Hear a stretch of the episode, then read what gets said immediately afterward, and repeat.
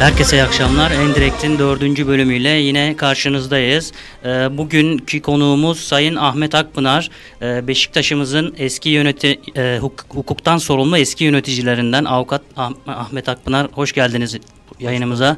Ee, Mehmet Eyüp Yardımcı da bugün bizimle birlikte. Ben Velican Şahin bir saat boyunca. E, bugün Beşiktaş'ın mali durumundan çokça bahsedeceğiz. Evet, e, evet e, Eyüp abi söz sende. Estağfurullah. Öncelikle bugün 3 Aralık Dünya Engelliler Günü. Evet. Hepimiz de birer engelli adayız.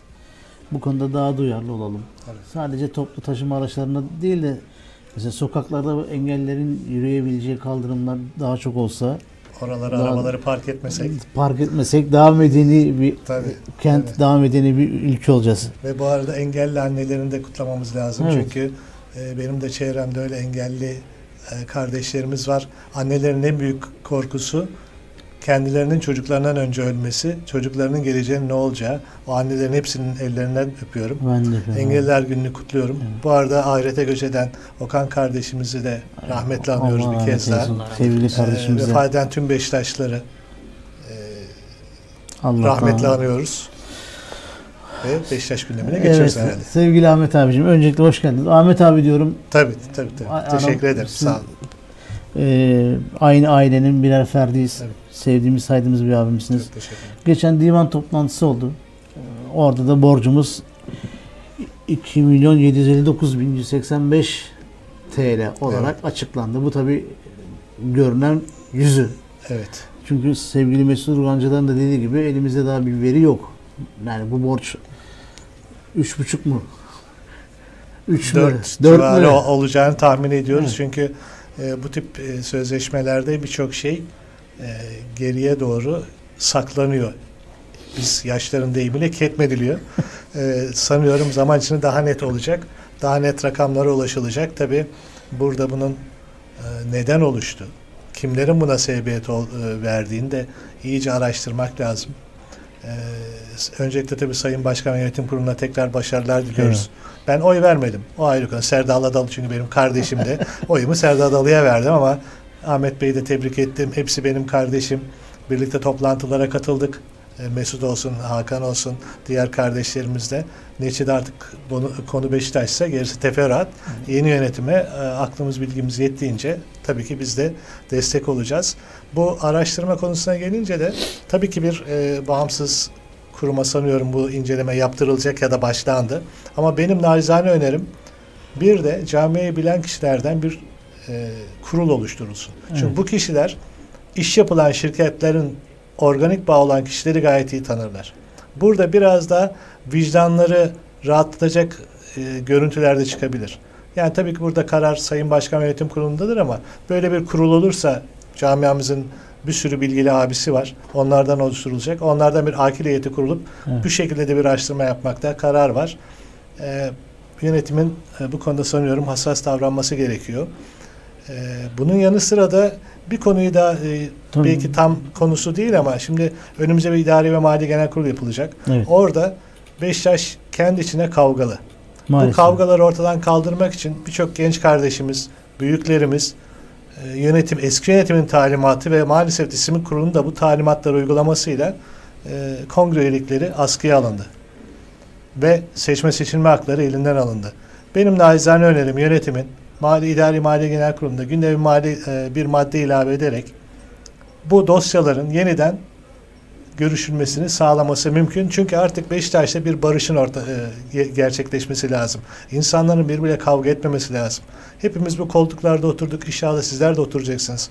Zaman zaman takım kötü gittiğinde küfür ediyorlar gözünüz içine baka baka. Evet. E bizler de onlara dava açabiliriz. E, size olmadık hakaretler edebiliyorlar. Burada öz eleştiri yapmak lazım. Neden biz bununla muhatap kaldık? Evet, niye ama, tepki Evet. E, ama maalesef sayın e, eski başkan ve yönetim kurulundaki arkadaşlarımız en kolay yolu seçip insanları dava ediyorlar. İnsanları mahkemelere veriyorlar. Ceza almalarını sağlamaya çalışıyorlar. Hatta sosyal medyada şerefsiz diyecek kadar farklı boyutlara gidiyorlar. E bunun karşısında ne yapıyorsunuz? Siz de gidiyorsunuz. O linki kapattırıyorsunuz. Evet. Siz savcılığa başvuruyorsunuz. Bunlar olmamalı. Neden bunun eleştirildiğini sorgulayın. Yani konuşun. her şey Ahmet abi etki tepki meselesi. Yani Konuşmak. O, yani bir etki var Tabii. ki karşıda tepki Tabii. Ha, tabii ki küfür edilmesin. Olmaz o zaten O mümkün bam- değil. Başlı başına Tabii, başka bir şey. tabii. Biz eğer bir aileysek, Tabii, biz. Beşiktaş'sak, bizim bir örf ve Tabii. annenebilimiz varsa buna uymamız lazım. Biz Biz- halkın takımıyız. Evet. Kardeşçe otururuz, konuşuruz. Neden böyle olduğunu konuşuruz. Bu en doğal şey. Ya bir de birbirimizi her an iletişim halinde geçebilecek kadar Tabii, yakınız. tabii, tabii. Varsa bir sıkıntımız bu uygun bir dille kalkıp ya sayın başkanım ya da işte Tabii. yönetimde kim varsa hangi arkadaş hangi alanda ilgiliyse ona ya bu konuda şöyle olsa daha iyi olmaz mı deyip o konuşma dilini bir sağlayabilsek belki de bu işler çözülecek ama Şimdi evet doğru çok doğru bir tespit ama buradaki konu şu. Maalesef geçmiş yönetim ben defalarca bunu radyoda da söylediğim için Evet. tekrar söyleyebiliyorum. Bir anda kendilerini Zeus, Zeus gibi dağın tepesinde görmeye başladılar. Ve her şeyin sahibi kendi gibi kendileri görmeye başladılar. İşte kurul seçimlerine karıştılar. Divan kurulu seçimine birkaç gün kala Yalçın abiye olmadık bir şekilde Evet, ceza yani verdirip ceza seçime verdi. sokulmasını enge- girmesi engellendi. Ya bunlar olacak şeyler değil ve bu kurullar ne oldu? Atanmış kurullar haline geldi. E, Atanmış kurullarda diyet romanını hepimiz biliriz. Evet. Diyet borcu olduğu için kolu feda etmedi. Şartlara uydu. İşte Ahmet'e atalım, Eyüp'e atalım, Mehmet'e atalım. Bu değil ki. E ne oldu? Camia birbirine girdi. En ufak bir falsonuzda üstünüze geldiler. Siz barışı kendiniz bozarsanız daha sonra size iyi yaklaşılmasını bekleyemezsiniz. İşin özü budur. Peki Ahmet abi bir şey söyleyeceğim Evet. size hazır bu konuya değinmişken. Şimdi yeni yönetimin önünde iki tane kurul var. Aslında bu kurulların da kendilerini e, bir şekilde feshetmeleri gerekmiyor mu? Yani yeni yönetim yeni kurullarla e, yola çıksa daha mantıklı, daha düzgün olmaz mı? Şık olan o. Şimdi tabii ki seçilmiş kurullardır. İstifa etmedik sürece yeni seçim yapılmaz. Ancak e, şunu da hepimiz gayet iyi biliyoruz ki seçimde eski yönetim list ortak liste hazırladı. Disiplin, sicil ve Evet. e, denetleme kurulu Denetim. dağıttı. Adayımız budur diye fax, mailler atıldı insanlara. WhatsApp'tan yollandı, mesaj Birazcık yollandı. metazori bir şey oldu bu E, işler. ya, e, tabii ki dikensiz bir gül bahçesi yaratmaya çalıştılar. Aynı şey divan kurulu için de geçerli. Evet. Şimdi divan kurulunda hangi arkadaşımız başta Sayın e, Tevfik Yaman Türk olmak üzere ben Beşiktaş'a geldim, çalıştım, çabaladım, divan kurulu seçimine girdim ve kazandım diyebilir mi? Hiçbirisi diyemez çünkü atandılar oraya. Evet. Tek aday kaldıkları için seçime gittiler ve seçim kazanıldı. Çok şık olmayan bir seçimle geldiler aslında. Tabii ki ya, atama diyorum ben seçim değil yani seçim adı seçim. Bugün diktatörler de seçim yapıyorlar. %90'la geliyorlar. İşte 80 darbesi sonrası yapılan anayasa oylamasını düşünün. %92 oyla evet çıktı ama sonra herkes asılsın diye göbek atmaya başladı. Bu da yanlış. Bu da yanlış. Yani istikrar çok esastır. E, bu nedenle de e, kurullar keşke deseler ki evet biz e, bu yönetimin önünü açmak adına Evet. seç istifa ediyoruz. Seçim olan se- seçime gidilsin. Bunu yapabilirler gayet normal ama yaparlar mı onu bilemiyorum. Ee, bu Beşiktaş'ta güzel bir tahammül oluşturur ve diğer kulüplere de örnek olur. Bir de bu özlediğimiz o iç barışın da Kesinlikle. yani koşar adım ilerlemesini sağlar. Kesinlikle. Çünkü mesela bakın yani tam mesela Feyyaz benim ayrıca görüştüğüm, çok sevdiğim bir kardeşimdir. Ama e, Yalçın abi şikayet edip de ceza almasına sebep olması bence çok mantıksız. Esa, Yalçın abinin dediği rakamların iki misli borç çıktı. Yani sonuçta Yalçın abi haklı çıktı. Geldiğimiz nokta ne? İki misli çıktı. Verdiği rakam demek Yalçın abi aslında bizi kandırmış. Daha az söylemiş. Evet. Aslında iki misliymiş borç. Yani. Ya bunlar olmamalı. Yani kurullar birbiriyle rekabet içinde olmamalı. Ya bunla, bunun içinde mesela biz de seçime girdik. Ben divan e, üyesiydim 2010 seçiminde. E, Sayın Başkan dedi ki Yıldırım Demirel, Ahmet listede adım varmış. Listenin ismini sildirir misin? Sen dedi yönetici olarak seçime gireceksin. Ben listenin ismini sildirdim. Ve o dönemde kimse e, divan kurulunda aday olmadı bizim yönetimden. Olsaydık seçilirdik zaten. Aldığımız oy ortadaydı. yani evet. Yani o yüzden ya bunlar olmamalı. Yani her yer benim olsun derseniz her şeyi kaybedersiniz. Şimdi geçmiş yönetmenin Sayın Fikret Orman'ın geldiği durum bu. Her şey benim olsun ama şimdi elinde hiçbir şey yok. O da bir, nasıl bir insani duygu değil mi? siz bahsettiniz. Yani yönetici olunca sanki biraz böyle kişilikte erozyona mı uğruyoruz? Yani e, kişilik erozyonu demeyelim o ağır bir kelime olur da birdenbire Sözü bir aldım He, özür dilerim. e, birdenbire her şeyi ben bilirim. Ve Sayın Başkan hatırlarsanız ilk başta hep biz dedi. Evet. Ama daha sonra iş bana dön. Ben, Ben, demeye demeye baş- başladı. evet. Zaten ben demeye başladığın zaman e, tuz kokuyor artık.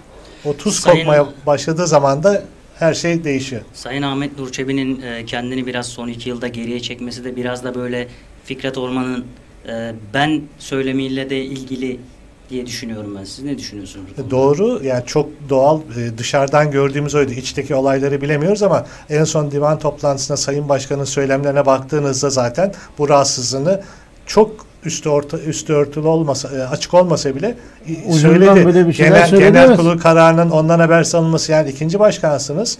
Evet. Bu olacak şeydi. Mesela Yıldırım Demirören Futbol Federasyonu Başkanı adayı olmaya karar verdiğinde bizi Ümraniye'de topladı. Ağlıyor ağlıyor dedi ki ben işte Futbol Federasyonu Başkanı adayı olmak istiyorum. İlk size açıklıyorum. Müsaadenizi istiyorum. Zaten o karar verdikten sonra bizim hayır gitmezsin deme şansımız olmadığı için. Evet. Ama ilk önce bizimle paylaştı. Hepimiz oradaydık. Bilmiyorduk da o anda öğrendik biz de. Yani Ama şıklık sonuç budur. açık, evet, açık net Hepimiz söyledi. oradaydık. Metin abi oradaydı, Fahrettin abi oradaydı, abilerimiz de yönetimde, diğer yönetimdeki arkadaşlarımız oradaydı. Hepimiz öğrendik. Yani yönetim kurulunun olmasının e, amacı budur zaten. Ama bu arada yeri gelmişken şunu da söyleyeyim. Mesela Fikret Orman yönetiminde benim en çok garibime giden şey şuydu. Mesela biz e, maçlara gittiğimiz zaman hatırlarsanız sünnet çocuğu gibi giderdik. Hepimiz takım elbise, kravat giderdik. Evet. Otelde bile soyunamazdık biliyor musunuz? Öyle eşofmana falan dolaşamazdık. Herkes normal kıyafetle olacak. E daha sonra yönetime baktım. Başta başkan olmak üzere tişörtler, Kot pantolon. kot pantolonlar, rengarenk kıyafetler. Ya Beşiktaş yöneticisinin bir stili olmalı. Belki ben geri kafalıyım olabilir. Belki şekilciyim olabilir. Ama Beşiktaş e, yöneticisi biraz şık olmalı. Bakın ne güzel bu yönetim gitmiş. Hepsi tiril tiril giyinmişler. Maçta oturuyorlar. Bunlar böyle olmalı. Yani ta- böyle olunca siz taraftara da iyi örnek olursunuz. Taraftar da sizi sever. Kendinizi çok fazla kaftağında görmeyeceksiniz. Hatta şeyi hatırlıyorum ilk Serdar Bilgili e, başkan seçildiğinde böyle bir boğazlı kazak gibi bir şey giymişti de tepki gelmişti kendisine camianın içindeki büyüklerden. Evet. Hemen tekrardan takım elbise falan giyinip yani Ya- daha çok Beşiktaş başkanına yakışır. Öyle yani kulüp başkanları öyle olmalı. Yani tamam evet yakışıklı adam. Allah vergisi yakışıklıyım diyordu. Doğrudur. Benim kadar değil belki ama yakışıklı. ama şu an yani neticede yakışıklığınız sosyal hayatta. Beşiktaş başkanı ya da Beşiktaş yöneticisinde daha farklı olmanız gerekir diye düşünüyorum. En Doğru. azından maç günlerinde ve e, önemli basın toplantılarında Tabii. vesaire Tabii. e, bir takım elbise bence de olması Mesela bir iki gereken. dernek toplantısında hatırlarsanız V yakalı kısa kollu Evet. şeyler. Yani bunlar biraz ciddiyetsiz gibi geliyordu bana. Tesislere giderken öyle giyinmesinde bir sorun yok. Yani gayet sportif bir yere Tabii canım yani. Ama orada bile bakın orada bile mesela biz de giderdik tesislere yine e, takım elbisemizi giyerdik ya da işte ceketimizi giyer, kravatımızı takardık. Çünkü oyuncu da o zaman baskı hissediyor. Oyuncular neticede çocuk. Evet. Biraz baskı hissediyor. Yani karşısında şimdi lakayt birini görünce ona göre davranır. Mesela biz uçağa giderdik hepsi toparlanırdı. Yani ama şimdi daha sonra ne oldu onu bilemiyorum. Biz özel uçağa hiç binemedik öyle Eskişehir'e falan gitmek için. Bu arada e, bize sorularınız olursa 0 e, 0538 287 1903 numaralı WhatsApp hattından Instagram ve YouTube'da Hayatta Beşiktaş Radyo etiketiyle Twitter'da Radyo Hayatta etiketiyle ve www.hayattabeşiktaş.com'dan bize iletebilirsiniz. Sayın Ahmet Akpınar'a, e, Sayın Mehmet Eyüp Yardımcı'ya ve bana sorularınız olursa bekliyoruz. Şimdi abi şu divan kurulunda sevgili Mesut Urgancılar'ın e, söylediği söylemlerden 153 adet icra takibi de var. Böyle de bir finansal zaten finansal bir sıkıntımız var. Bir de bunun üzerine e, ekstradan bunlar bunun 18 tanesi statla ilgili. 20 adedi geçmişe dönük spor genel müdürlüğüne bağlı. Hiç ödenmemiş. 15 tane e, eski çalışanların ayrıldıkları için açtıkları dava. 19 tane adet menajerlerin, 4 adet handbolcuların, 17 adet basketbolcuların, 10 adet voleybolcuların. Yani böyle bir e, maddi sıkıntı böyle çığ gibi üst üstüne geliyor. Bu, bu da tabii çok e, şey değil, amşam değil. Bir de amatör şubelerin üstüne üstlük beklenen yıllık zarar tabloları da var. Evet. Bunlar da çok şey. Bu e, şahsım şöyle bir düşüncem var. Özellikle bu amatör şubelerin üzerindeki kulüplere bağlı yükleri kaldırabilmek adına. Demin biz programa başlamadan önce de sizinle konuşmuştuk. Aynı fikirdeyiz bu konuda. İşte e, en önemli amatör şubemiz basketbol. E, basketbol keşke kendisi ayrı bir e, kulüp gibi yönetilse. Yani yönetimi, ekonomisiyle her şeyle farklı bir kurum olsa. Böylece kulübün üzerindeki bu yük de azalmış olur. Diğer mesela şubelerimize de hani buradan seslenelim. E, toplam ben geçen gün bizim resmi internet sitesinden baktım. Yurt içinde 162 tane 37 adet de yurt dışında derneğimiz var. E, ismini bilemediğimiz sayısız iş adamlarımız var. Ya lütfen bu işe bir el atalım. Yani sonuçta Beşiktaş hepimizin. Dediğiniz gibi siz yönetici oldunuz. Belki bu insanlardan birileri daha sonra yönetici olacaklar. Ve bu bir sıra, bir görev. Ee, buradan da seslenelim. Yani Beşiktaş hepimizinse el atalım bu işe. Yani derneklerimiz, iş adamlarımız bu Beşiktaş'ın üzerindeki yükü kaldırmaya yönelik bir harekette bulunalım. Orası öyle çünkü amatör şubelerde bilet sorunu var biliyorsunuz. Evet. Kimse bilet almadan bilet alarak maça girmek istemiyor. Zaten satılan bilet fiyatları, e, rakamları ortada. Maç günü bile gitse bir oyuncunun aylık taksisini karşılamıyor. Tabii ki o çok güzel bir bakış açısı.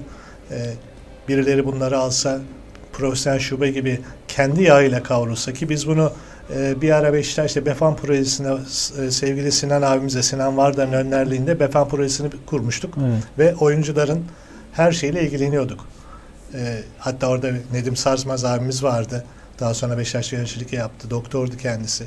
Bir sürü katkıda bulundu. Aletler, edevatlar aldık. Sonra hepsi çarçur oldu. Kimse ilgilenmedi. Bir sürü de altyapıdan oyuncular çıkarıldı. Ama burada şöyle bir öneri getirmiştik. Bize verin burayı. Biz oyuncuları ister satarız, ister döveriz mecazi anlamda diyorum. Yanlış olamayın. Oyunu oynayamayını yollarız. Yerine gençler güzel bir ekip var çünkü. Bir sürü amatör e, kulüplerle e, ilişkimiz var ki ben o dönem aynı zamanda İstanbul Amatör Spor Kulüpleri Federasyonu'nda genel sekreterdim. Yani tüm amatör spor kulüpleriyle yakın bağlantım vardı. Ve böyle bir sistem kurmayı talep ettik. O zaman kabul edilmedi bu. Ya bir yerden başlamak gerekiyor. Ama burada tabii bir yerden başlamanın yanında mesela Sayın Ahmet Nur Çebi'nin yaptığı çok güzel bir hareket. Türk Hava Yolları'nı eski yönetim daraltmıştı. Ahmet Nur Çebi yönetici arkadaş alıp gitti. Bu barışları sağlamamız lazım. Bir evet. sürü küskün iş adamımız var. Dışlanan, taraftarın bazı arkadaşlarımızın haddini aşarak ya da niyetini aşarak yaptığı saygısından dolayı uzak duran e, zengin e, arkadaşlarımız var. Bunları camiye yeniden kazandırmak ve yeniden motive etmek zorundayız. Burada Ahmet Nur Çebi'ye bu konuda ben aslında güveniyorum. Çünkü e, diğer arkadaşlarımız öyle. Sosyal ilişkileri çok iyi olan insanlar artı çoğu Beşiktaş camiasının içinden geçen insanlar. Evet. Senelerdir tribünde maç birlikte maç seyrettiğimiz işte kongrelerde e, omuz omuza bazen karşıda olsak omuz omuza mücadele ettiğimiz arkadaşlarımız var ki neticede hep onlar bir fikir üretiyorlardı. Evet. Camiyi tanıyan insanlar. Bu barışın sağlanması çok iyi olabilir. Mesela şimdi aklıma gelen niye bir Nevzat Demir Fırat Ben ismiyle bir voleybol şubesini al, al, almasın, almasın ya da handbol şubesini almasın. almasın evet. E, bir ara Gökhanlar mesela e, engelleri götürüyorlardı. E, darıltmayalım insanları. İnsanları teşvik edelim. Ama bir mağlubiyeti zalama küfrederseniz ya da mesela duyduğum bir tanesi için iki bilet istiyor Avrupa Kupası maçına. Misafiri var bulamıyor. Yok efendim veremeyiz. Ondan sonra arkadaşlar oluyor. Verin ne olacak? Kimlere ne biletler verdiniz? Yeri gelmişken şunu da söyleyeyim. Mesela şimdi bakıyorum sosyal medyada ee, bazı arkadaşlar e, bir tanesiyle işte Ahmet abi sana çok güveniyoruz. İşte Ahmet abi Ahmet Nur Çebi. işte 5 yaşın önünde her şeyi yapacaksın falan. E bakıyorum son İbra toplantısını hatırlıyorum. İki eliyle İbra eden arkadaşlar Fikret Orman'ı. Bizlere el kolate yapan insanlar bakıyorsun. Geçen Ahmet Türkçevi ile resim çektirmiş. İbra edildi Fikret Orman bize el hareketi yaptı. Hepimiz gördük. Görüntülerde de var. E şimdi bakıyorum e, Sayın Ahmet Nur Çebi ile e, Büyük Başkan da resim çektiriyor. E, Sayın Ahmet Nur Çebi Yönetim Kurulu'ndan benim ricam bu insanlardan uzak dursunlar. Bunlar evet. zaten bilinen insanlar. En büyük tehlike de zaten evet. bu insanlar yani bu, camia yani, içerisinde. İlkesi, kıblesi, yönü yönü pusulası olmayan insanlardan Beşiktaş hep çekti. E, bunlardan lütfen uzak Maalesef. dursun. Çünkü bunlar bakıyorsunuz maça gitmez. Forma almaz. Ne bileyim hiçbir faydası yok. Ama her maçta o. Her deplasmanda varlar. E bu değil mi? Gelirini de biliyorum. İki deplasmana gitse aile bütçesi sarsılacak. Ama bu adamlar her deplasmanda yurt dışı bir şekilde gidiyorlar. E, finans sponsor buluyorlar demek. İşte bunları sponsor yapmak lazım. Evet, aslında evet en büyük tehlike bu tip insanlar cami içinde. Dediği gibi Ahmet abi. Dediğim gibi Ahmet abi işte bu, bu dönem başkan. Ahmet abi yanındalar. Tabii tabii. Her türlü diyelim ki işte ibrada bilmem ne el kaldırıyorlar. Zaten ben o şeyi de anlamıyorum. Mesela şimdi hesap sorun hesap sorun diyenler vardı mesela. O hesap sorun diyenler e, ibra edenler. E kardeşim evet. o zaman niye ibra ettiniz işte bugün ki? bir tanesini gördüm sosyal medyada. Hesap sorun asın kesin diye. Sen iki el kaldırıyordun ibra edilme. Yani sen hem sırasında. ibra ediyorsun hem hesap sorun diyorsun. Yani evet. kendi kendinin e, idam sehpada işte, ayağını kaldırıyorsun. Rüzgar gülü. Rüzgar gülü olunca insanlar böyle oluyor. Ya mesela zamanında biz engelli şube için sevgili Fuat Çimen kardeşimin de kulakları çınlasın bileklikler çıkartmışlardı siyah evet. beyaz. Ne güzel bir, Tabii. bir sinerji yaratıldı. Tabii. İyi de bir şey oldu. Tekerlekli sandalye alındı kardeşlerimize falan. Aslında tekrardan böyle şeyleri e, bir harekete geçirmek Tabii, lazım. Bütçeleri çok etkilemeden ama insanları motive eden bu tip şeyler çok güzel oluyor. Yani çünkü bizim e, Türkiye'nin en eski kulübüyüz. Evet. Ve gerçek taraftarı olan da tek kulübüz. Bugün e, Fenerbahçe'si, Galatasaray'sı evet var. Sayıca belki bizden de fazlalar. Evet. Ama nitelik mi nicelik mi? Bizim taraftarımız takımın her şeyle ilgilenir. E, Galatasaraylı hala kalede Simovic oynadığını zanneden Galatasaraylılar var. Evet. Fenerbahçe'de öyle hala Alex oynuyor. Alex oynuyor mu bugün diye soran kişiler var. Ama bizim taraftarımız öyle değil. Bizim taraftarımız takımına her şeyle bağlı. Beşiktaş'ta yatıyoruz, Beşiktaş'ta kalkıyoruz. Başka bir hayat gayemiz yok ki. Bir de fazla da biz hani çok irdeliyor gibi gözüküyoruz evet. ama o da bizim işte bu şey aidiyet duygumuzun verdiği şey. Sevgimizden. Yani mesela benim oğlum 17 yaşında e, Abdullah Avcı'yı benden daha çok seviyor. Yani ben ilk baştan beri biraz tepkiliydim. Ben de öyleyim. Sistem hala olarak da biraz Aynen. böyle kafamda sorular var. Ondan sonra o hala inatla böyle ve her maçında da mesela oyun yanlış olduğu zaman anlatıyor bana. Bak baba da şuradan oynattı, yanlış oynattı. Buna rağmen de yani bu irdelemeye karşı da hala da Abdullah Avcı'nın mesela sevgisi o ayrı. Bakın 5 yaşın amblemini, rozetini takıyorsa teknik direktörümüz saygı duyacağız. Ama ben de kişisel anlamda hala o Türkiye Kupası final maçında Serdar Adalı koştu. Arkasından ben koştum havaalanına o Cem kardeşimize evet, yapılan saldırıyı ikinci önleyen yani Serdal oradaydı onu görünce ben içeri koştum zaten. Yani çöp kovasını kaldırıp insanları vurmaya çalışan o FETÖ'cü grupla birlikte küfür kıyamet edenlerin başındaydı. Bunu affedemem ben ama Beşiktaş'ın teknik direktördür o rozetimizi taşıyor. Saygı göstereceğiz. Geçen burada konuşmuştuk. Sevmek zorunda değiliz. Evet. Saygı göstermek zorundayız. Yani şimdi Burak evet. e, konuşuyor şey, Ben de Burak'a karşı tabii. var. O tepkim var. Tabii. Ee, kişilik olarak geçmişteki şeyleri hala o yaralar Tabii. içinde ama bugün Beşiktaş'ın armasını taşıyorsa saygı duyacağız. Sevmek zorunda değiliz ama saygı duymak zorundayız. Bu aynı şey yönetim için de geçerli. Evet, Sevmediğimiz insanlar olabilir ama Beşiktaş'ın yöneticisi, başkanıysa saygı duymak zorundayız. Saygımızı da gösteririz. Hakaret etmeden eleştirmemiz gerekiyorsa eleştiririz. Bu en doğal hakkımız. Bu diye işte aynı şeye giriyoruz. Çünkü biz takımımızdan başka bir şeyimiz yok ki. Evet. Yani gece kumara bilmem ne gibi dertlerimiz yok. Bizim derdimiz Beşiktaş. Beşiktaş başarılı olduğu zaman mutlu oluyoruz. Kaybettiği zaman üzülüyoruz. Benim de yeğenim oturuyor ağlıyor. Kaç yaşında adam. Yani o başka bir şey yok. Biz de öyleydik. Yani ben hatırlıyorum işte onun yaş 13-14 yaşlarındayken maça gitme ertesi gün maç var mesela o zaman böyle işte kaynak araya kaynak falan yaparız bilirsiniz. Öyle kuyruk yok, bilet yok. Sabahtan gelirsin niye bir bir karambol olur bir bakarsın içeridesin. Ya da dışarıda kalırsın. Ondan sonra ya şey var. E, takımı kurardım. Sen teknik direktör benim. İşte şu, şu Sinan oynasın, Tez oynasın, şu oynasın, bu oynasın. Takımı kurardık. Başka eğlencemiz yok ki. Yani evet, hayata bağlayan gayemiz evet, Beşiktaş. E işte taraftar böyle taraftarız. Gerçek taraftarız. Halen yeni yetişen nesil de öyle. Ya bu konuşma derken mesela divan toplantısında Sayın Başkanımız Ahmet Nur Çebi'yi ben takdir ettim. Mesela bütün herkes konuşsun, bekledi. Ben en son konuşayım, cevap vereyim dedi. Bu da bir olgunluktur, bu da bir güzel bir harekettir. Kesinlikle. Daha evvelden işte biliyoruz başkan konuşur. Tamam, Yayın kesilir. Çok da mesela Galatasaray'ı bana yönden takdir ediyordum. Yani Galatasaray TV'de divan toplantıları başından sonuna kadar yayınlanır. Kavgaları bile verirler. Kavgaları bile verirler. Yani biz Tamam kavga etmeyelim ama en azından konuştuklarımızla neler konuşuluyor bil, Ya bilgi tabii. sahibi olalım. E çünkü hadi biz İstanbul'dayız diyelim gitme şansımız var. Ben divan üyesiyim gitme şansım var ama divan üyesi olmayıp da orada konuşanlar merak edenler var. Atıyorum Hakkari'deki taraftarımız da merak ediyor. Onu da öğrenme hakkı var. Gerekçe şuymuş Sayın Başkan'ın dediği işte kavga olur, gürültü olur, Türkiye'ye rezil oluruz. E, kulübün paraları gitti. Daha az mı rezil olduk? Şimdi konuştuğumuz konular daha beter yani. yani. O yüzden yani gizlikten sadece Doğu bloğu yararlandı.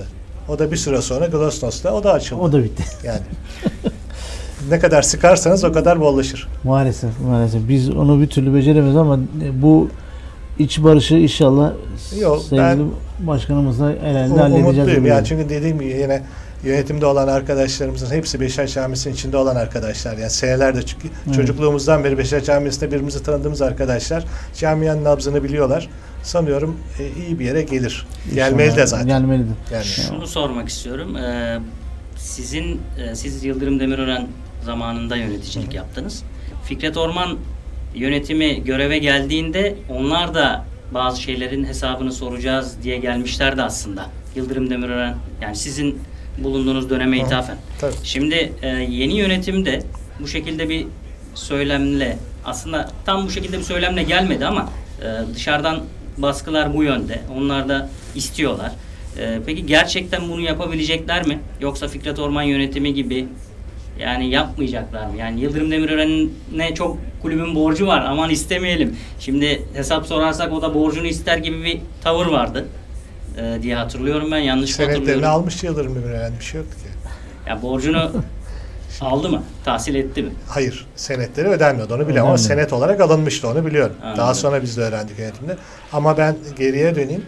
Ee, Sayın Fikret Orman o söylemde bulunduğu zaman ki hatta dava sayısında kandırmışlar onu. Ben onu radyoda söylemiştim canlı yayında. Ya beni, beni kandırıyor çünkü hukuktan sonra yönetim kurulu üyesi benim. Tutanak elimde. Başkan dedi ki ben 250 tane davayla aldım. Benim rakam ikimizden biri kandırılmış. Yok dedi şeyden e, biliyorsunuz e, Çağlayan Adliyesi'ne aldım. Hayır sen Beşiktaş Genel Kurulu'ndan aldın. Onu da söylemiştim. Ve hatta şunu söylemiştim çok iddialı olarak. Değil hesap sormak Yıldırım Demirören tele, e, yönetiminden ya da Yıldırım Demirören'den saati bile soramaz demiştim. Saati bile soramadı. Saat kaç diye soramadı. Çünkü Yıldırım Demirören getirmişti Fikret Orman Amerika'dan. Evet. Başkan adayı Fikret Orman değildi ki. Son anda bir sürü şeyler onu hep birlikte yaşadık. Serdar Adalı bir şekilde tasfiye edildi. Aday et, yaptırılmadı. Rakamlarla, şişirmiş rakamlarla korkutuldu ve Sayın Fikret Orman taşındı ve başkan adayı oldu. Sonra da başkan oldu zaten. Saati soramaz demiştim. Ee, ama Sayın Yıl, e, Ahmet Nur Çebi ve yönetimi bu beklentiyi boşa çıkarırsa bence hata eder. Araştırılsın. Bir şey çıkmayabilir ama o zaman da insanlar aklanmış olur. O kafamızdaki müpem şüphe şüpheler ortadan kalkar, sis bulutu kalkar, her şey netleşir. Zaten camianın tek beklentisi, Beklentisi şu anda o. bu yani. Tabii. Kimse parayı oldu, çaldı etti Yani demiyor. kimse- Belge evet. olmadan diyemezsiniz ama araştırılsın. Neyin ne olduğunu görülsün. Mesela hatırlarsanız Sayın Başkan demişti ki Fikret Orman bundan sonra menajer saltanatına son. E bakıyoruz şimdi menajerlerin kaç tane? 19 adet icra takibi Evet. var. 19 tane. Bir de icra takibi yapmayıp alacaklı olanlar vardır O da, büyük e, ihtimalle. büyük ihtimalle. Ödenenler vardır. E şimdi bakıyorsunuz siz Aras'la sözleşme yeniliyorsunuz. Sonra iki ay sonra olmadık bir paraya, adamın rüyasında görmeyeceği bir paraya sözleşme yapıyorsun. Şimdi bu bir şüphe yaratmaz mı? İnsanın bakış açısı, hepimiz sporun içindeyiz. Hayatın olağan akışı bunu gerektirir. Şüphelenirsiniz. Yani niye bu adam zaten iki dakika forma giymemiş? Evet. Siz kalkıyorsunuz onunla önce sözleşme yapıp sonra feshediyorsunuz. E, onun gibi bir tane bir Mert Can diye bir transferimiz oldu biliyorsunuz. Çocuk ne dedi? Ben Beşiktaş kulübünün yerini bilmem. Sayın Başkan dedi ki ben sözleşmeyi feshettim ve ben sözleşme yapmadım mı dedi. Ama sonra ortada bir para var. Şimdi para nereye gitti? E, facia Kocaeli Birlik, Darıca Birlik miydi neydi? Biliyorsun o takıma işte. paralar ödendi. Ne oldu bu para? Niye ödendi? Niye geri alınmadı? Alındıysa nerede o para? Evet bu paralar nerede sorusunu biz Yani hala işte sormaya her- devam. Herkes soruyor çünkü siz eğer yeterli açıklama yapmazsanız tek açıklaması Sayın Başkanım biliyorsunuz eve götürdüm dedi. Hangi eve götürdü onu bilemiyoruz. Tabii Çok iyi varsa. Ya- Ya bu da değil. Ya bu kadar bu soruyu bu kadar egzajere etmek ya da e, soruyu aşağılamak insanları aşağılamak gibi oldu. Zaten Sayın Başkan'ın bitişte ben de orada başladı.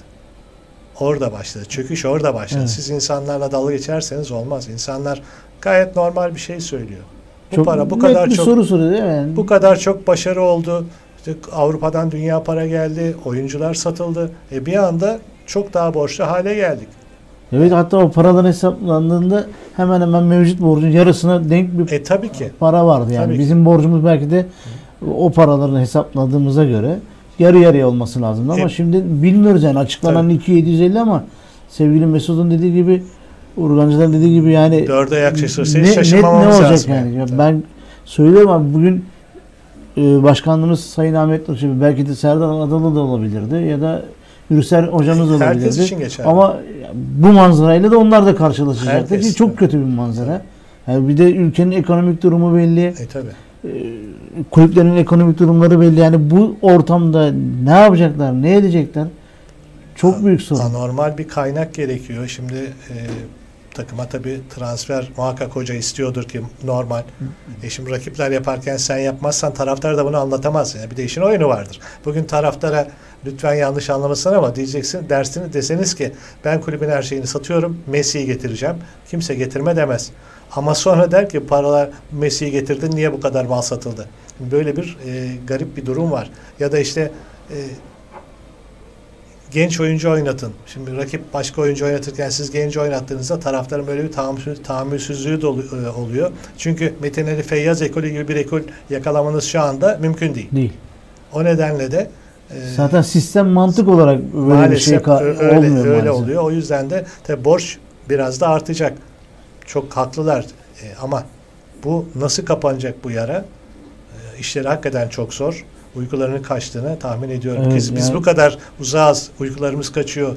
Kulüp ne olacak? Mesela benim en büyük korkum şimdi hisseler Ziraat Bankası'na temlikli. Ziraat Bankası nerede? TMSF'de. İki gün sonra devlet dedi ki ben Ziraat Bankası'nı satıyorum. Hadi Geldi araban biri ya da Rus'un biri aldı. E hisse senetleri de gitti. Arap dedi ki hisseler AŞ'nin zaten. Ben dedi AŞ'nin yüzde elli birini aldım kardeşim. Kulübün Bundan sonra Ali Veli Hasan Hüseyin yönetici olacak. Ne yapacaksınız? Siz istediğiniz kadar derneğe yönetici seçin. Hiçbir şey olmayacak. Çünkü onların dediği olacak. Her, Sonuçta her şey, bu ülkede de yani Premier Lig'deki e, satış başka türlü de bizdeki direkt el koyma gibi bir şey olacak Ama yani. oradaki marka değeri çok fazla. Ha. Orada adam dünya kadar para kazanıyor ve dünya kadar satış yapıyor ve çok değerli bir lig. Keşke bizim ligimizde o kapasitede olsa da ya e, ben satış yapsın. Söylerim, konuşuruz. İngiltere'deki Premier Lig'in PR'ını kim yapıyorsa çok doğru işler yapıyorlar. Satışı, tanıtımı, reklamı her şeyde doğru iş yapıyorlar. Bizde mesela kulüpler birliği var. Kulüpler birliğinde yani normalde aslında futbolun içinden gelen, futbolun ekonomisini bilen, eğitimini buna göre almış insanlardan oluşan bir heyet, bir yönetim oluşur. Sizler kulüpler olarak sadece kontrol edersiniz. Bırakın o insanları yönlendirsinler futbolun ekonomisini, kulüplerin giderini, gelirini bakın şunu yapacaksınız demesini. E, biz bugün e, siz de biliyorsunuz Ahmet abicim e, devlet, hükümetler kaç sefer işte vergi borçlarını affediyor. Onu bu iş bir yere kadar gider yani. Sonuçta devlet bir gün der ki kardeş kusura bakma. Devlet, ben onu, de, devlet onu diyemez de. Yok. Çünkü kulüplerin bu kadar taraftar gücünü karşısına alamaz ama tabii kullanır şunu, ama yani. Keş, keşke şunu yapabilse. Arkadaş bu kadar borçlanıyorsa bunun cezai yaptırımını kişisel olarak katlan. Keşke bunu yapabilseler. Yine söylüyorum. Ben suçluysam ben de çek. Bunu her zaman söyledim. Hatta Sayın e, Ahmet Nur Çebi diyor ki çok daha geriye gideceğiz. Gidiyorsun ilk imzayı ben veririm kendi adıma. Ben suçluysam tüm mal varlığımda sorumlu olayım. Hiç umurumda değil. Yani çiğ yiyenin karnı ağrır. Evet. Ben rahatım. Elimden aklım bilgim yettiğince çalıştım. Gittim seyahatlerin parasını verdim, aldığım formanın parasını verdim. Hepsinin makbuzu duruyor. Bir lira borcum almadan ayrıldım. Şimdi bakıyorsunuz yönetim kurulu raporuna bir sürü yönetimin bir sürü borcu var. Nasıl borçlar oluşuyor ben onu anlayamıyorum. O borçlara girmeden önce bir ara verir, verelim. Ee, ikinci yarı çok önemli. Aradan önce bir şey söyleyebilir miyim? Tabii ben mesela tabii çok çok bahsettik Sayın Yıldırım Demirören'den. Yıldırım Demirören'i seversiniz sevmezsiniz ama söylediği doğru laflardan bir tanesi şuydu döneminde her ay en azından 10 dolarlık bir şey alın. Lisanslı ürün alın. Çok önemli. Evet. Yani bunu devam ettirelim. Yani severiz sevmeyiz, eleştiririz kendisini ayrı bir konu ama mesela bu söylemi çok doğru bir söylemdi. Kesinlikle biz de e, buradan taraftarlarımıza seslenelim. E, maçlara gidemiyorsak en azından Kartal yuvalarına gidip e, küçük de olsa, eşe dosta hediye de olsa, minik de bir şey olsa 10 lira, 5 lira ne olursa olsun böyle böyle artıyor. Ya, Takımımıza böyle böyle destek vereceğiz. E, başka türlü bu iş maalesef Benim işte e, mesela olmuyor. tane evladım var benim. Okula gidiyorlar. Ben mesela çokça maça gitmesem bile en azından onların defter kaplarına kadar, silgilerine kadar, kalemlerine kadar siyah beyaz. siyah beyaz kalem alıyorum, lisans ürün alıyorum. Nasıl çay, çay kahve, evet. evet. Muklar var çok da güzel. Bayağı da dayanıklı, güzel de Değil yani. Mi? Hepimiz çay içiyoruz, kahve evet, içiyoruz. Yani doğum günü, yani doğum günü oluyor mesela. Evet, doğum Ahmet abi. Alalım mı? Hediye alalım birbirimize bu. Ee, ikinci yarıyla tekrar birlikte olacağız. Ee, şimdi bir reklam arası veriyoruz.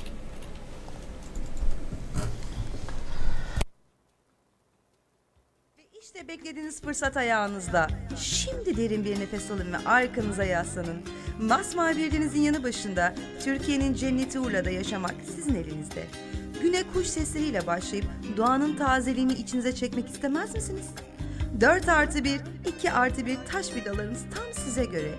Yeşilin tüm tonlarını seviyor ve ağaçların yaprakları arasında süzülen enfes bir gün batımı eşliğinde bambaşka bir havuz deneyimi yaşamak istiyorsanız işte durmayın. Haydi hemen bizi arayın. Uygun fiyatlarda olan Urla Bayolu evlerine sizler de sahip olun. İletişim için 0535 321 1903. Haydi bekliyoruz. Rakı masasında dostlarınızla birlikte sohbetin en keyiflisini yapacağınız, sevdiklerinizle birlikte güvenle oturacağınız Dustiko Meyhane artık Beşiktaş Akaretler'de. Özenle hazırlanan mezeleriyle, kaliteli ve hijyen anlayışıyla Dustiko Meyhane bir meyhaneden daha fazlası. Haydi önce kendine gel sonra Dustiko Meyhane'ye. Adres Süleyman Seba Caddesi, BJK Plaza, No 48 A Blok, Akaretler, Beşiktaş. Rezervasyon 0212 259 50 12.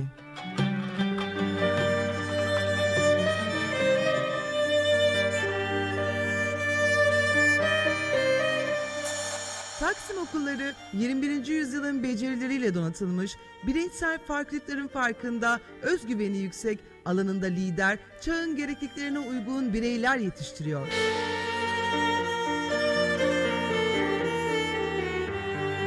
Algoritma, kodlama, program yazılımı, spor alanında, sanat alanında kendini gerçekleştiren, İngilizce ve Fransızca'da hedef koyan, üniversiteye giriş sınavlarında hedefi bulduran okul burası. Başarı hedefe giden yoldur. Hedefe giden yolda Taksim Koleji. İletişim 0850 346 34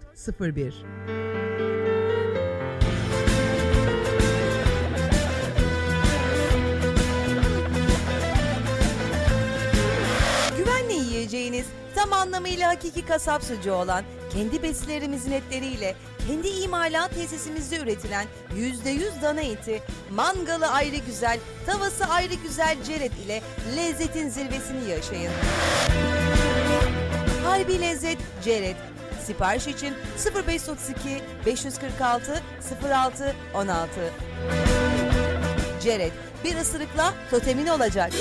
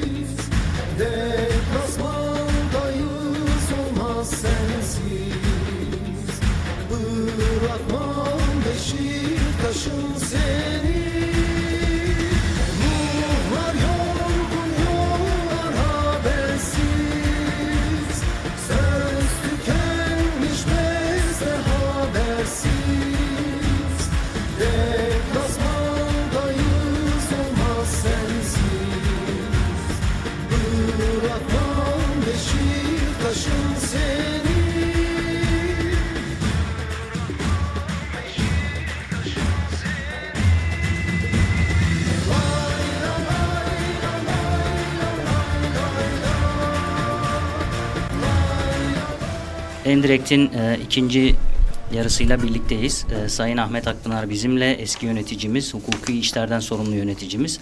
E, bir iki yorum okuyarak e, ikinci devreye başlıyoruz. Beşiktaş'ımız şampiyon olur mu? İnşallah olur demiş Beşiktaş ruhu.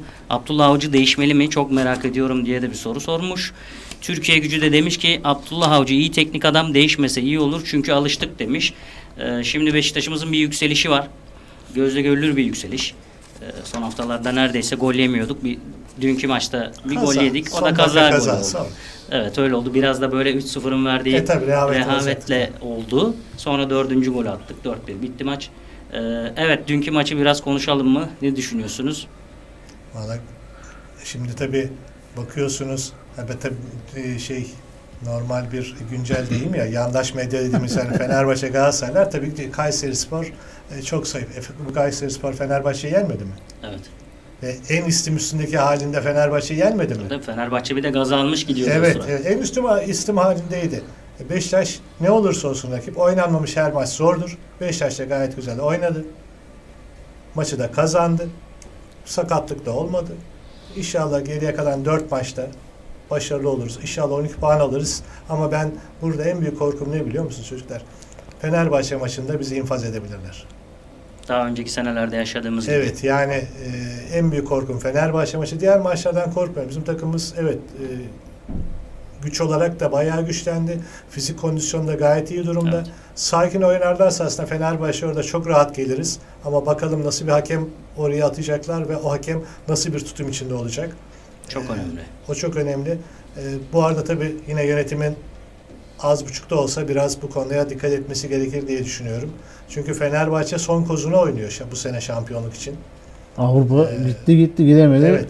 O yüzden de Öyle bir durum da var e, yani. tehlikeli maç ama yine söylüyorum normal şartlarda Beşiktaş Fenerbahçe'yi orada yener. Evet. Normal şartlarla tarafsız bir hakemle, Düzgün doğru bir çalan bir hakemle Beşiktaş o maçı rahat rahat kazanır. Son yıllarda eğer ki hakemler böyle maçlara doğrudan etki etmemiş olsa derbi maçlar özelinde konuşuyorum. bizim Beşiktaş'ın zaten- neredeyse bir veya iki beraberliği var. Son 5 yıldan bahsediyorum. Geri kalan hepsini biz kazanmış olmamız gerekiyor. E onun dışında Şimdi- Galatasaray maçlarını düşünün. Tabii. Şampiyonluklarımız çalın. Son üst sene maçımıza gelenler. Bir de fikstür olayı da var işin içinde. O da bambaşka bir konu. Ya şimdi şöyle e, Abdullah Avcı ile ilgili bir soru sormuşlardı ya bize. Evet. O Mesela Abdullah Avcı'ya hani hala benim de baştan da söylediğimiz gibi çok güvenim var mı? Yok. Ha iyi bir ivme yakaladık. Bir de e, Beşiktaş artık kaybetmemeyi öğrendi. Kazanmayı öğrendi. Yani kötü şeyden de kazanıyor. Zaten önemli olan da bu. Kö- kötü olduğun zaman da kazanacaksın. Bunda şöyle bir şey ben gözlemledim. Abdullah Avcı e, tamam biz çok eleştirdik ama bazı alışkanlıklarından yavaş yavaş vazgeçiyor. Evet takım içerisindeki oynatmak istediği o sistemden vazgeçmeye Evet. başladı. Yani e, şöyle bir uzun yıllardır tartışılan teknik veya taktik bir konu vardır. E, oyuncuları mı taktiğe uydurursunuz yoksa oyun e, taktiğe göre mi oyun şey pardon oyuncuya göre mi taktik yaparsınız? Abdullah Avcı önce kendi taktiğine oyunculara uydurmaya çalıştı. Baktı olmuyor, maç kazanamıyor. E, neredeyse 7 hafta bir 7 haftada bir galibiyetimiz vardı. Çok kötü bir performans. Yani Daha ki- sonra kendi kendine ipini çekiyordu. Aynen öyle. Baktı işler öyle yürümüyor. Ee, dedi ki bu oyuncu profiline, bu oyun stili olmuyor.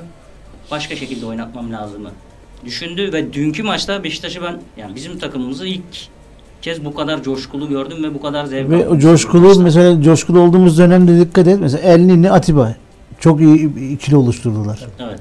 O, Adem Reis sanki daha böyle diğer maçlara göre daha rahat, Daha kendi rahat istediği pozisyonda oynadı. Evet. Ama o maçta e, Kayseri Spor maçında benim dikkatimi çeken şu oldu. İkinci yarıda oyuncular değişmeye başladı. Bir gelecek adına Oğuzhan'ı hafiften bir tribün desteğiyle sanki kazanabilecekmişiz gibiyiz ama ben mesela Lens den artık ümidimi iyice kestim. Lensi kazanmaya gerek yok bence. Hem mali olarak da kazanmaya gerek Yani yok. bir de düşünüyorum. ben mesela İnşallah. Güven gibi genç oyuncuyu da anlayamadım. Yani o çocuk nasıl bu hale bir anda düştü yani.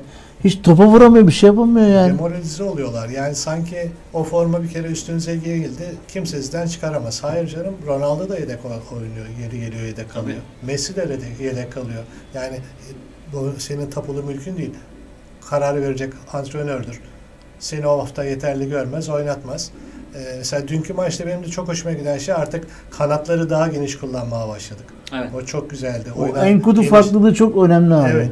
Yani iyi bir oyuncu. Diğeri de fena değil ama elini hakikaten çok güzel tek top oynuyor. Atiba ile çok iyi anlaştılar. Yani orta sahadan çok çabuk top ileriye taşındığı için de tabii rakip bir ara fark ettiyse Kayseri ilk ikinci yarının başına bir prese başladı. Evet. O arada tek toplarla e, hemen oyunu ortadan e, bu baskıyı ortadan kaldırdılar. İnşallah iyi olacak. İyi olması da gerekiyor çünkü elindeki malzeme kötü bir malzeme değil. Evet belki ederinin çok üstünde paralar verilen oyuncular ama e, bu oyuncularla artık e, devam etmek zorundasınız. E, Oğuzhan konusunda da yani bu kadar yetenekli bir oyuncunun neden bu kadar küskünlük içinde olduğunu anlamak mümkün değil. Bir de taraftarların tabii daha Oğuzhan ayağına top değmemiş Hemen bir Ee, ıslık tepki. sahaya girerken yuhalamak da Evet. bu olmamalı. Yani neticede e, oyuncular hakikaten çocuk gibiler. Biraz onları alkışla motive etmek gerekiyor. Hadi koçum, hadi canım cicimle oynuyorlar. İşte Fatih Terim'in yaptığı aslında bu. Yani biz abi şunu bunu konuştuğumuzda Fatih Terim sözelci bir teknik Evet. direktör. Sözelci tarafı da bu işe yarıyor. Evet. Ee, sevgili Abdullah Avcı'nın da sayısal ağırlıklı da biraz eşit ağırlığa gitmesi lazım. Hem sözel hem sayısal. Yani özellikle Oğuzhan gibi, Güven gibi çocukları tekrar kazanmak istiyorsa bunu yapması gerekiyor. Yavaş yavaş olacaktır. Bunlar da tabii çok ge- yani Oğuzhan da aslında genç bir çocuk. Uzun zamandır oynuyor ama yani niye bu kadar morali bozuk? Niye kulaklarını biraz tıkayamıyor? Bunu da ayrıca bir değerlendirmek lazım ama buna bir mentor mu bulmak lazım, bir psikolog mu bulmak lazım? Bu çocuğu da kazanmak lazım. Çünkü yetenekli bir çocuk. Evet. Ben Oynadığı zaman bize çok maçlar kazandıran bir çocuk. Tabii ki. Ahmet Başkanımız bir gün bir yerde biz konferansa görüşmüştük de ben kendisine o zaman şey demiştim e, Slavan Bilic dönemi bizim e, özellikle derbi maçlarda ya da çok önemli maçlarda takımı hazırlayacak bir psikolojik destek verecek bir ekibimiz var mı? Profesyonel bir ekibimiz var mı? Yok dedim işte o zaman. Aslında bu günümüz futbolunda madem ki endüstriyel bir futbol gerçeği var bunların olması gerekti. Yani böyle bir ekip seni hazırlayacak ya da işte oyuncuları tek tek ele alarak hazırlayacak. Yani senin teknik direktör olarak üzerindeki yükü alacak. Ben Abdullah Avcı'ya mesela oyun sistem konusunda bocalamasındaki etkenlerden biri de şu. Ee, Beşiktaş mesela UEFA Ligi'nde oynuyor. UEFA Ligi de biliyorsun işte Perşembe günleri oynanan maç. Evet. Yani Perşembe, Cuma, Cumartesi tekrar maç oynayacaksınız. Kadro genişliğinin çok daha geniş olması lazım.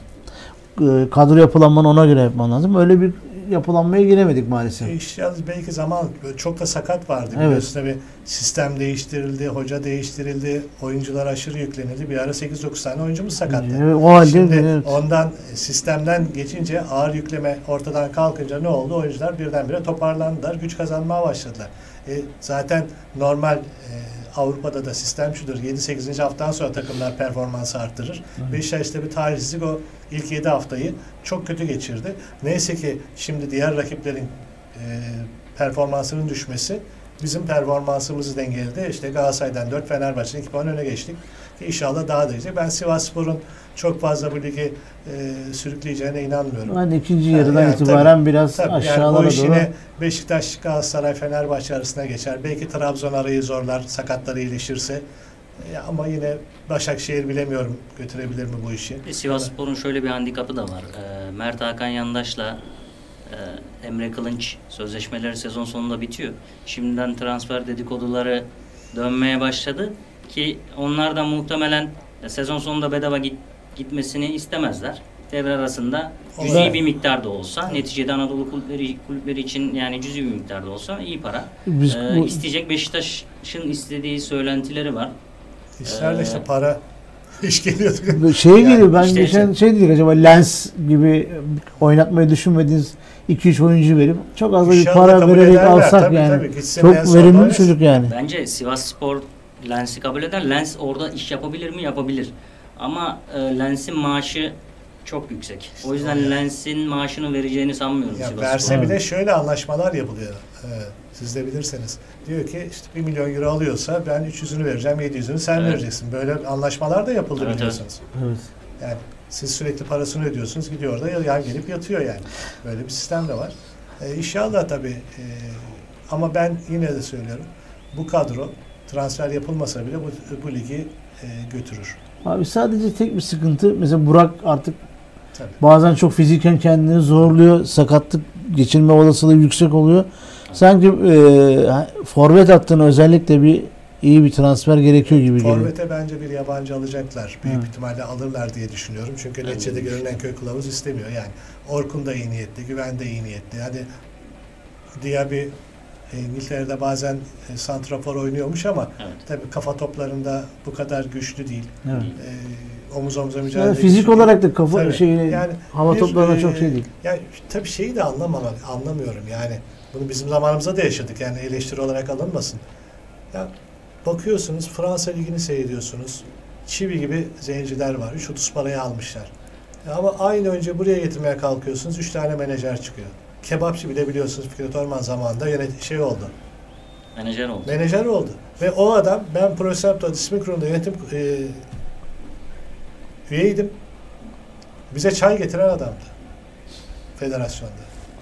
Sonra bir baktık kebapçılar açıldı. Bir anda menajer oldu. Herkesin menajeri oldu. Her evimize lazım. Ben abi Ya bu, bakın bunları yaşadık. Tanıdığımız insanlar. Ne zaman menajer oldu? Yes No'dan başka yabancı dili nerede var? Kiminle ortak çalışıyor? Bunları bilemiyorsunuz.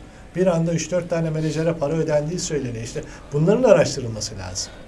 Neden ve niçinlerini araştırmak lazım. Bir yayın oyuncunun bir menajeri olur. Evet.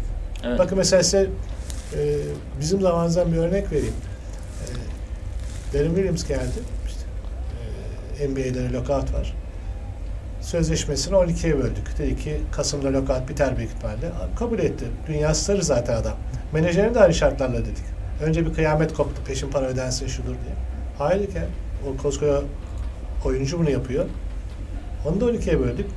Sözleşme bitti. Parası o kadar ödendi. Ama şimdi bakıyorsunuz bir oyuncunun 3 tane 4 tane menajeri kimle muhatap olacaksınız ki? Her biri bir şey söylüyor. Ama işte Harun gibi gelip Karun gibi gidenler de böyle zengin oluyorlar. Ve yayın öncesi Ahmet abiyle konuştuğumuzda o da TFF 1. Ligi takip ediyor. Mesela oradaki özellikle Afrika kö- kökenli futbolculara bakıyorsun. Yani bunları nasıl getiriyorsunuz? Bunları niye getiriyorsunuz? Yani bunları getirene kadar öz kaynağınıza yatırım yapsanız, Evet. sistemi getirseniz daha çok verim alacaksınız. Bir de getiriyorsanız bari yani İlhan Cavcav'ı biraz örnek alın da Tabii. yıllarca getirdiği yurt dışından Afrika'dan bilmediğin yerlerden getirdi ve üç büyüklere sattı. Yuğlalar işte Prekolar daha aklıma gelmiyor Johnson'lar yani bir sürü oyuncuyu sattı ve dünya para kazandı. Gençler Birliği şu anda Türk- e, tamam Türkiye'de çok iyi değil. Düştü, çıktı. Uzun yıllar sonra düştü birinci lige. E, ama borç durumunda herhalde Türkiye'nin en iyi takımlarından Hala biri yani. Rakipleri olduğu söyleniyor ki doğrudur da bayağı paraları olan bir kulüp. Ben bizim ülkemize satılan futbolculara benzetme yapıyordum ya. Şey gibi hani mağazaya gidiyorsun. Pantolon hafiften olmuyor. Abi o esner diyor. Bize de herhalde alın abi bunu iki, Açılır üçüncü üç hafta maçta diye. esner o Messi'ye döner falan diye mi veriyorlar artık bilmiyorum ne Yani yapıyorlar. İşte tabii biliyorsunuz Beşiktaş'tan Artaldolar geldi yani. Evet. Yok şöyle iyi böyle iyi dedi. Adam kahvaltı yerine topa vuruyordu. Yani e, bu menajer oyunu mudur? Başka bir şey midir? Ya maalesef bu oluyor. Yani Türkiye'de tabii belki de şu var. Daha önce hiçbir spor yönetimi yapı- yapmamış arkadaşların belki yönetimlere gelmemesinden kaynaklanıyor. Mesela ben yaklaşık 11 sene amatör spor kulüplerinde görev yaptım. Amatör ASKF'de İstanbul Amatör Spor Kulüpleri Federasyonu'nda önce yöneticiydim, sonra disiplin kurulunda görev yaptım, sonra genel sekreterlik yaptım, sonra PFDK'da görev yaptım. En son dedim ki ben artık hazırım, yönetici olacağım. Hatta Yıldırım Demirel kulakları çınlasın. İlk çağırdı işte seçimi yönet, hukuktan sonra sen hukuk e, bölümünün başına geç. Yok dedim başkan ben yönetici olmak istiyorum. Ben ona hazırım. Yeğenim de avukat oldu. Önce almayacağım dedi. Bir ay sonra tamam dedi yönetimdesin. En sonunda benim ismim açıklanmıştı zaten 2010'da. yani biraz mutfağında pişmek lazım. Kesinlikle. Yani biraz ne bileyim taraftar olarak bile en azından bu işin mutfağında pişmek lazım. Biraz takip etmek lazım ama hiçbir şey bilmezseniz oyuncular sizi parmağında oynatıyorlar Evet. ya da menajerler ya da taraftar baskısı. Ya Oluyor. endüstriyel futbolun getirisi bunlar olacak. Yani menajerler falan illaki ama kulüpler de bu sisteme karşı kendi e, savunma me- mekanizmalarını oluşturmaları lazım. Yani şeyi bileceksin. Bana bu e, geldiği zaman ben de buna karşı şunu yapmam lazım. Bu da işte sizin dediğiniz gibi Ahmet abi bu bir şekilde yöneticilerin de futbolcular gibi hani eskiden tabir vardı futbolcular altyapıdan yetişen çocukları gönderirlerdi pişsin diye ikinci lige falan. Siz de yönetici olarak belki amatörde belki diğer yerlerde böyle öğrenerek, bilinçlenerek, bilgi edinerek e, belli bir olgunlukta üst düzey kulüplerde yönetici olacaksınız. Öyle yöneticiler var ki kendi kulübünün tüzüğünü okumamış. evet. Bilmiyor. E, okuyun arkadaş hepsi hepsi 40 madde. Değil ki 35 madde. Yani her kulübün farklı çünkü sayısı. E, Evet. bunları okuyor. Genel kurullarda çok ortaya çıkıyor. Mesela Ya, bir şey söylüyorlar. Kabul ediyorlar mesela. Nasıl, nasıl kabul ediyorsun? Tüzükte böyle bir şey yok deyince de hemen hop Yani işte her şeyi profesyonel bırakmak da olmuyor ama tabii bizde de şu da var maalesef e, yöneticilerin ya da başkanların biraz ön plana çıkma egoları var. Mesela bugün İngiltere'de bakıyorsunuz Barcelona'nın başkanını biliyoruz, Real Madrid'in de biliyoruz da diğer takımların başkanlarını biliyor muyuz? Hayır. Ya da İngiltere'de işte kulüp sahibini biliyoruz da diğer yöneticilerin hiçbirini bilmiyoruz. Ya da Almanya'da belirli bildiğimiz insanlar var. Diğer kulüp yöneticileri hiç bu kadar çıkıp konuşmuyorlar. Evet. Çünkü orada sistemi oturtmuşlar ve sistem kendi kendini kontrol ediyor aslında. Bugün İngiliz İngiltere maçlarını seyrediyoruz. Sanki halı sahada oynuyorlar. Hakem yok. Penaltı veriyor. Yanlış da olsa kimsenin gıkı çıkmıyor. Bizde herkes yerlerde. Hakemi itmeler, kalkmalar. Bir de hatta orada işte Premier Lig'deki VAR sisteminde de mesela diyelim ki siz VAR'daki e, sorumlu hakemsiniz. Pozisyonu itiraz ettiği zaman sahadaki hakem hiçbir şey söylemiyor. Tamam diyor. Tamam. Olay bitiyor. E, bizde hakem e, duyuyoruz işte küfür edenler, birbirlerine hakaret ceza edenler, alanlar, ceza evet. alanlar. Yani bu ya sistem bize göre değil ya biz sisteme göre değiliz. Yani- uygun uygun değiliz yani. Şimdi ben aslında şunu söyleyeyim. Belki geri kafalı gibi düşünülecek ama ben eski sisteme razıyım. Teknoloji bu kadar futbolun içinde olmasın. Biz eski 5 metre offside'den de gol yiyoruz. E, Yine yedik zaten. Antalya'da yemedik mi? Var vardı, her şey vardı. Geçen hafta bizim oyuncumuzun ayağı kırılıyordu. Televizyon da gösterdi. Sarı kart Evet. bile yok. Ya bir başka maçta elini kaldırıyor bir şey yok. Öteki böyle yaptı diye penaltı veriliyor. Ya burada da bir çifte standart var. Var olmadığı zaman diyorsunuz ki belki görmemiştir. Evet. Ama var olduğu zaman ya, ekranda görünüyor. Muhtemelen kulaklığına da söyleniyor da olabilir. Tabii. Niye gitmiyorsun? Ya da masa başında oturanlar senin bunu görmeme gibi bir ihtimal yok. İşte Yani o zaman burada kötü niyet devreye girmiş oluyor. Kötü niyet de ola, e, denilebilir ama öte yandan da hakemlerin üstüne normal bir baskı kuruldu. Bakın bir hakemin daha sözleşmesi feshedildi. Şimdi hakem ben hata yaparsam falanca kulübü karşıma alırsam benim ipimi çekerler korursa maça çıkarsa rahat hareket edemezsiniz. Yani o yüzden ya bu sistemi diyecek ki federasyon ben sezona atıyorum 35 tane hakemle başladım. Ne olursa olsun sezonu 35 tane hakemle bitireceğim. Bu hakemlerle bitireceğim. Evet. Ama şimdi ne oluyor? A takımı Ahmet'i istemedi. Hop Ahmet'in sözleşmesi fesholuyor. fesholuyor. Az da para almıyorlar kadar şimdi ya- yaklaşık 20 bin lira e, her ay paradan olsun ki. Tabii. Diyor ki ben o zaman eyyamcılık yapayım, görmeyeyim. İşte bir maçta penaltıyı tekrar ettiriyor, ikinci maçta tekrar ettirmiyor. Mesela bu hafta bir yorumcunun çok güzel bir lafı oldu. Fener, Göztepe Fenerbahçe maçı dedi. Maçın en iyi adamı Fırat Aydınus'tu. Evet. Çok güzel. Adam çok güzel müdahale etti ama diğer var hakemlerine bakıyorsunuz. Ya görmüyor ya söylüyor dediğiniz gibi müdahale etmiyor. Ya bunlar olmamalı. Biz bunları zaten ben de görüyorum televizyonda. Yani yapmayın. Niye insanları bu kadar geriyorsunuz? Peki abi o aynı Fırat Aydınus sahada da kendine ikaz edildi işte tepki veren insan. Ama yani Göztepe Fenerbahçe maçında da hakikaten maçın adamı yani. Tabii. Özellikle yani hakemin ben maçı seyrettim. Yani gözün önünde bileğine basıyorlar. Hani görmeme imkanın yok. 2 metre önünde İşte oluyor. olay. görmemeyi tercih ediyor. İşte böyle yine aynı yere geliyorsa, bu baskı hissederse, ekonomik kaygıyı ortadan kaldırırsa e, bunlar olmaz. Ama siz bunu güvence vermezseniz, e, nabza göre şerbet verirseniz, o takım istedi bunu vermeyelim, bu takım istedi bu hakem maçına vermeyelim derseniz, bakın az önce 3 hafta sonraki maçı konuşuyoruz. Hı. Korkuyoruz diye. Niye böyle bir duygu olsun ki? Bugün niye bir İngiliz takım bundan korkmuyor? Çünkü mesela şeye geleceğiz. Ee, bizim burada biliyorsun maç oynanacağı hafta hakemler belirleniyor. belli olsun. Sezon başında bütün maçların hakemleri belli olsun. Ya o çok ütopik bir şey ama yani neticede bu hafta veriyorsa da yani Biz Ahmet abi şöyle ama yani biz hakemleri tartışıyoruz. Mesela Yıldırım Bey federasyon başkanı dedi. Vay işte Beşiktaş'ı kollayacaklar. İşte Nihat Özdemir Fenerbahçe Fenerbahçe'yi Galatasaray kollayacak. daha çok şampiyon oldu. Aynı. Evet. Yani Yani Ya, başkan ya da şey biz böyle devamlı bir dedikodu kazanın içerisinde futbolu yönetmeye çalışıyoruz. O da bir- futbola zarar veriyor. Yani eğer bir sistem oturtacaksak bunu nasıl yapacaklar bilemiyorum ama futbolun şu anki yönetim kurulundaki olanların hepsinin ortak oturup ortak bir akılla bu işi belirlemesi lazım. İşte herkes kazandığı zaman haklı, kaybettiği zaman haksız gibi konuşuyor. Olmaz. Mağdurum. E bir hafta evvel sen haksız yere maç kazandın. Niye o zaman konuşmadın? Yani D- çıkıp Bunu- desek ki mesela dediğiniz gibi hakem burada yanlış karar verdi. Bizim e, rakibimizden puanını çaldı. Belki de işte o rakibi o bir alacağı bir puanla ligde kalacak ya da ne bileyim şampiyon olacak bir şey olacak yani. Ya da demin konuştuğumuz gibi biz niçin Fenerbahçe'nin başını düşünüyoruz ki? Yani Fenerbahçe başını düşünüyoruz derken Fenerbahçe'yi yani. Evet, koşsun. normal şartlarda oynayıp da yenmekten dışındaki şeyleri konuşuyoruz. Yani hakem bize acaba ters bir karar mı verecek? Kime ne yapacak? atacaklar? Kimi atacaklar? O bir şeyden mi korkacak? Baskı zaten belli orada bir seyirci baskısı olacak. Yani şimdi bakıyorsunuz Fenerbahçe'nin başkanı ya adam 2 metre öne çıkmış. Yani çok özür dilerim yani körün bile göreceği bir şekilde 2 metre öne çıkmış. Penaltıyı kurtarmış. Hala tekrar etti diye bağırıp çağırıyorsun. E senin taraftarında tahrik oluyor. Sonra ne oluyor? Taraftar küfrediyor. Küfredince ceza yiyor. Sonra diyorsun ki niye biz ceza yedik?